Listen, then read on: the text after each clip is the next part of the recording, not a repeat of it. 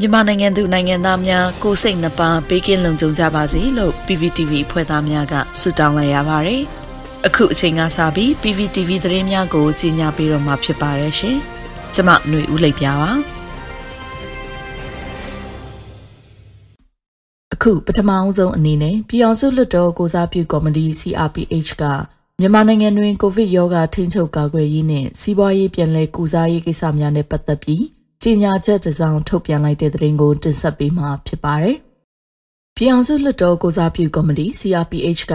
မြန်မာနိုင်ငံတွင်ကိုဗစ်ရောဂါထိန်းချုပ်ကာကွယ်ရေးနဲ့စီးပွားရေးပြန်လည်ကုစားရေးကိစ္စတွေနဲ့ပတ်သက်တဲ့ကြေညာချက်အမှတ်33မြင်းဆောင်2021ကိုဒီကနေ့ရက်စွဲနဲ့ထုတ်ပြန်ကြေညာလိုက်ပါတယ်။အဆိုပါကြေညာချက်မှာအကြံဖက်စစ်ကောင်စီရဲ့မတရားအာဏာသိမ်းယူမှုနဲ့ကိုဗစ်ရောဂါကူးစက်မှုမြင့်တက်နေမှုဆိုတဲ့ဆိုးကျိုးနှစ်ခုလုံးကို တပြိုင်တည်းအတွေ့အကြုံခံစားနေကြရတဲ့ပြည်သူများအပေါ်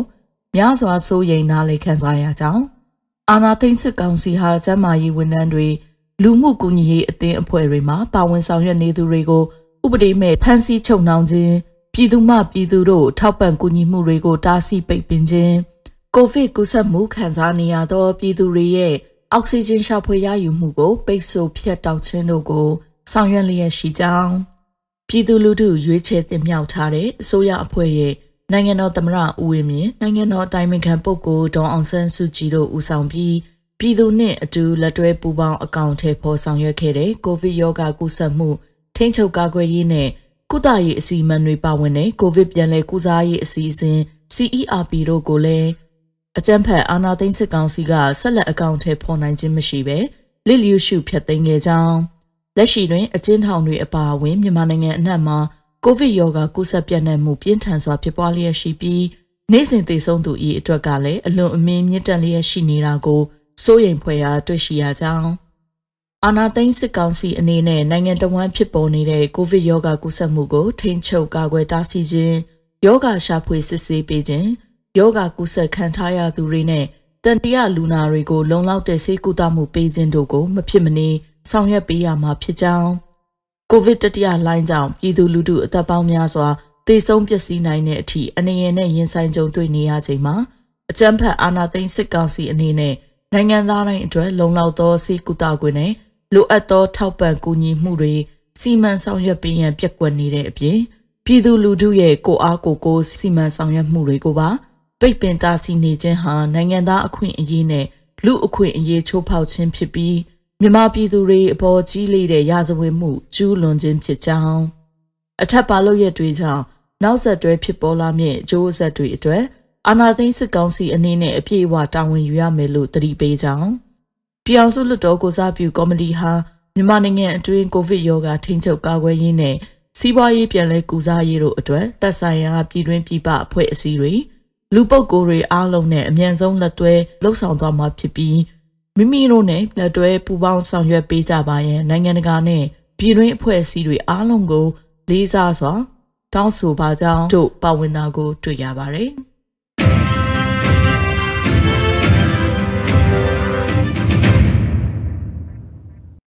ခုဆက်လက်ပြီးအမျိုးသားညီညွတ်ရေးအစိုးရကလျှက်စစ်ဝင်ကြီးဌာနကအရာရှိ15ဦးကိုအမည်ပြည့်စည်ရင်းကြီးညာပြီးအလောက်ကထုတ်ပြလိုက်တဲ့သတင်းကိုတင်ဆက်ပေးမှာဖြစ်ပါတယ် အမျိုးသားညီညွတ်ရေးအစိုးရရဲ့လျှက်စစ်နဲ့စွမ်းအင်ဝင်ကြီးဌာနရဲ့ဌာနခွဲအသီးသီးကအကြမ်းမဖက်အာဏာဖီဆန်လှုပ်ရှားမှု CDM မှာပါဝင်တဲ့ဝန်ထမ်းတွေကိုဖိနှိပ်ချင်းချောက်တာယာတုကထုတ်ပယ်တာဝန်ထမ်းအဖြစ်ကနေထုတ်ပယ်တာဝန်ထမ်းအင်ယာတွေကနေနှင်ထုတ်တာပြည်သူအစိုးရကပြန်ဆက်စရာမလိုဘူးလို့ထုတ်ပြန်ထားတဲ့နလစာချီငွေတွေကိုပြန်ပေးဖို့ဖိအားပေးတာ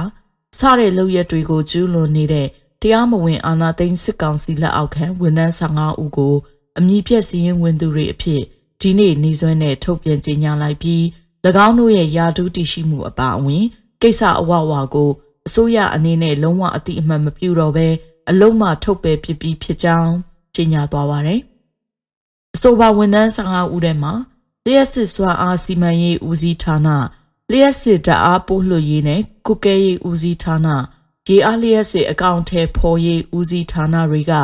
ညွှန်ကြားရေးမှူးချုပ်နဲ့ဒုညွှန်ကြားရေးမှူးချုပ်တွေလျှက်စစ်တအားထုတ်လုပ်ရေးလုပ်ငန်းဖြန့်ဖြူးရေးလုပ်ငန်းတွေကဥဆောင်ညွှန်ကြားရေးမှူးနဲ့ဒုဥဆောင်ညွှန်ကြားရေးမှူးချုပ်တွေ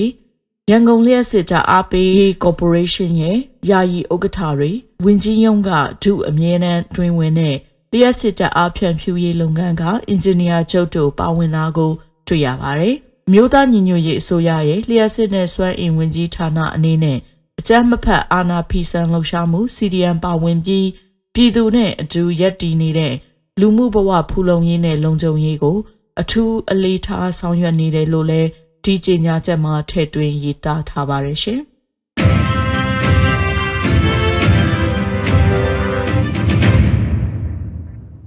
အခုဆက်လက်ပြီးစစ်အာဏာသိမ်းပြီး9လကျော်ကာလအတွင်းမြန်မာနိုင်ငံမှာ ကလေးငယ်85ဦးအသက်ခံရပြီးတထောင်ခန့်မတရားဖမ်းဆီးခံထားရတယ်လို့ကုလသမဂ္ဂကလေးငယ်အခွင့်အရေးဆိုင်ရာကော်မတီ CRC ကထုတ်ပြန်လိုက်တဲ့သတင်းကိုတင်ဆက်ပေးမှာဖြစ်ပါတယ်။စစ်အာဏာသိမ်းပြီး9လကျော်ကာလအတွင်းမြန်မာနိုင်ငံမှာကလေးငယ်85ဦးအသက်ခံရပြီးတထောင်ခန့်မတရားဖမ်းဆီးခံထားရတယ်လို့ကုလသမဂ္ဂကလေးငယ်အခွင့်အရေးဆိုင်ရာကော်မတီ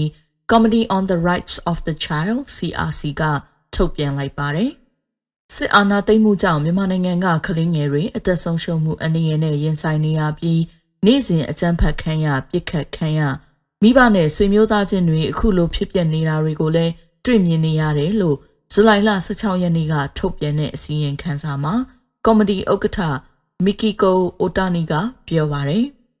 ဒေါအောင်ဆန်းစုကြည်ဦးဆောင်တဲ့အရတားအစိုးရကိုဖြုတ်ချပြီးစစ်တပ်ကအာဏာသိမ်းပြီးကတည်းကမြန်မာပြည်သူတွေဟာ အာဏာရှင်စန့်ကျင်ရေးလှုပ်ရှားမှုတွေမှာပါဝင်ခဲ့ကြပေမဲ့အကြမ်းဖက်စစ်အုပ်စုရဲ့လူမဆန်စွာဖြိုခွင်းဖိနှိပ်ခံခဲ့ရတာပါ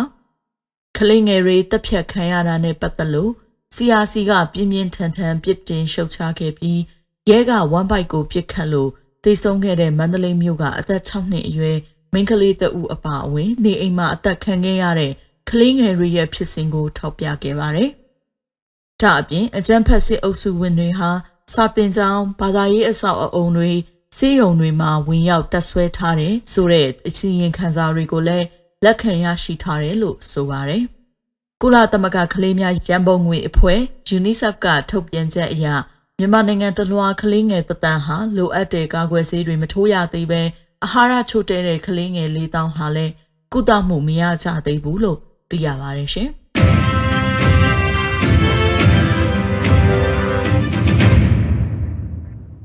အမျိုးသားညီညွတ်ရေးအစိုးရအမျိုးသားအဆင့် COVID-19 ကာကွယ်ထိန်းချုပ်ကုသရေးကော်မရှင်ကပုဂ္ဂလိကစေယုံများပရဟိတစေယုံစေကများနဲ့သက်ဆိုင်တဲ့အမိန့်ကြေညာစာတရက်ကိုထုတ်ပြန်လိုက်တဲ့သတင်းကိုတင်ဆက်ပေးမှာဖြစ်ပါတယ်။အမျိုးသားညီညွတ်ရေးအစိုးရအမျိုးသားအဆင့် COVID-19 ကာကွယ်ထိန်းချုပ်ကုသရေးကော်မရှင်ကပုဂ္ဂလိကစေယုံများပရဟိတစေယုံစေကများနဲ့သက်ဆိုင်တဲ့အမိန့်ကြေညာစာတရက်ကိုဒီကနေ့နေ့စွဲနဲ့ထုတ်ပြန်လိုက်ပါတယ်။ အဆိုပါကြေညာချက်မှာပြည်သူစေယုံတွေအနေနဲ့ကုသမှုခံယူရန်လိုအပ်တဲ့လူနာတွေအားလုံးကိုကုသပေးရန်အတွက်လုံလောက်တဲ့အရင်းမြစ်အင်အားမရှိတာကြောင့်အများပြည်သူလိုအပ်နေတဲ့ကျန်းမာရေးစောင့်ရှောက်မှုကိုအသက်နိုင်ဆုံးရရှိနိုင်ရန်အတွက်ပုဂ္ဂလိကစေယုံတွေပရဟိတစေယုံတွေကစေယုံတက်ရောက်ကုသရန်လိုအပ်တဲ့ပြည်သူလူထုကိုကမ္ဘာ့ကျန်းမာရေးအဖွဲ့ WHO ကထုတ်ပြန်ထားတဲ့စံချိန်စံညွှန်းတွေနဲ့အညီ ကုသပြုစုစောင့်ရှောက်ပေးကြဖို့တိုက်တွန်းထားတာဖြစ်ပါတယ်။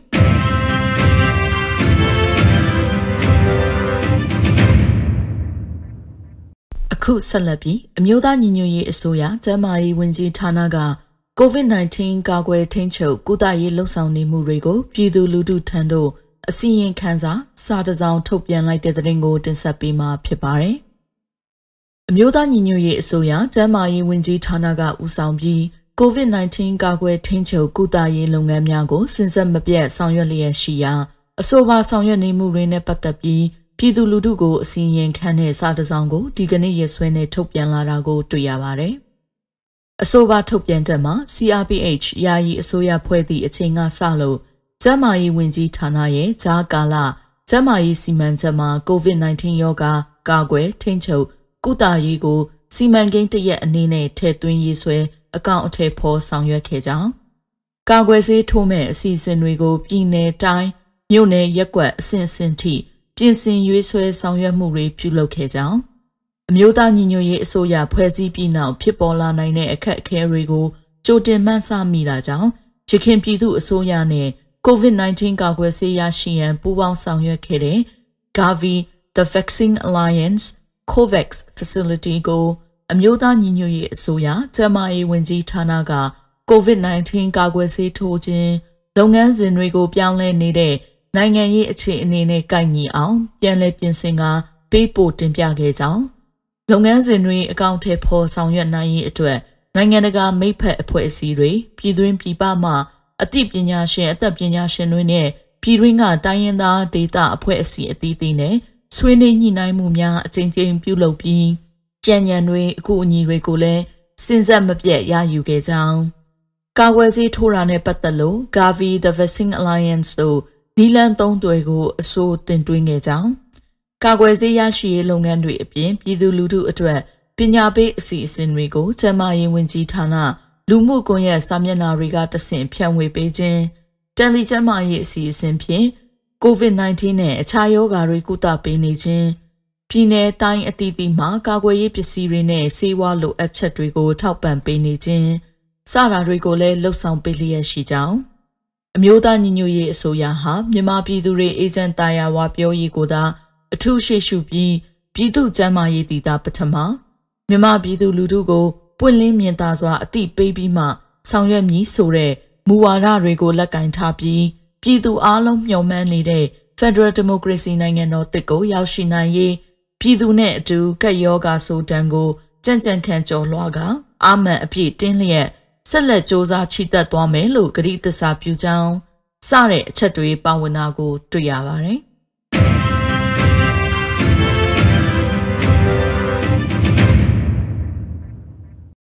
အခုနောက်ဆုံးအနေနဲ့အမျိုးသားညီညွတ်ရေးအစိုးရကိုမြန်မာနိုင်ငံရဲ့အသစ်သက်မဲ့အစိုးရတရက်အနေနဲ့သဘောထားတင်တယ်လို့ ပြည်တိန်လွှတ်တော်ကတိုက်တွန်းလိုက်တဲ့သတင်းကိုတင်ဆက်ပေးသွားပါမယ်။ပြည်တိန်အောက်လွှတ်တော်ရဲ့ပြည်ပရေးရာကော်မတီကဇူလိုင်လ16ရက်နေ့မှာထုတ်ပြန်တဲ့မြမအချက်အတဲဆိုင်ရာပြည်တိန်အစိုးရရဲ့တုံ့ပြန်ချက်အစီရင်ခံစာမှာအခုလိုဖော်ပြထားတာပါ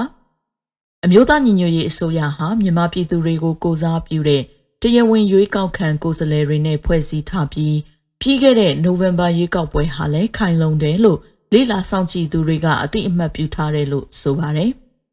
မြန်မာနိုင်ငံရဲ့ဒီမိုကရေစီနည်းလမ်းကျရွေးကောက်ပွဲရလဒ်ကိုအတိအမှတ်မပြုဘဲနဲ့မြန်မာဒီမိုကရေစီကိုထောက်ခံကြဖို့ပြည်တင်အစိုးရအနေနဲ့ပြောလို့မရဘူး။ဒါကြောင့်ပြည်ပရောက်အစိုးရတရက်ထက်အမျိုးသားညီညွတ်ရေးအစိုးရကိုထောက်ခံအားပေးတာကအာဏာသိမ်းစစ်ကောင်စီရဲ့တရားမဝင်မှုကိုတုံ့ပြန်ဖို့အားအကောင်းဆုံးခြေလှမ်းဖြစ်လိမ့်မယ်လို့မှတ်ချက်ပြုထားပါတယ်။လက်ရှိမြန်မာနိုင်ငံအခြေအနေဟာတဖြည်းဖြည်းပိုဆိုးလာနေပြီး အာဏာသိမ်းစစ်ကောင်စီဟာလည်းရက်သားတွေအပေါ်အကြမ်းဖက်မှုတွေဆက်လက်ကျူးလွန်နေတယ်။ပရိပခတွေကြောင့်အိုးအိမ်ဆွန့်ခွာထွက်ပြေးရသူထောင်ချီဟာလည်းလူသားချင်းစာနာမှုအကူအညီတွေအရေးပေါ်လိုအပ်နေတယ်လို့အစီရင်ခံစာမှာဖော်ပြထားပါတယ်။ဒါကြောင့်မြန်မာနိုင်ငံကိုလက်နက်စည်းစိမ်မှုတားမြစ်ကြဖို့လူသားချင်းစာနာမှုအကူအညီတွေပေးကြဖို့နဲ့မီဒီယာဖွဲ့စည်းတွေကို ထောက်ပံ့ဖို့တွေကိုလည်းတိုက်တွန်းထားတာတွေ့ရပါတယ်ရှင်။ရေတော်ဘုံအောင် ရမည်ရေတော်ဘုံအောင်ရမည်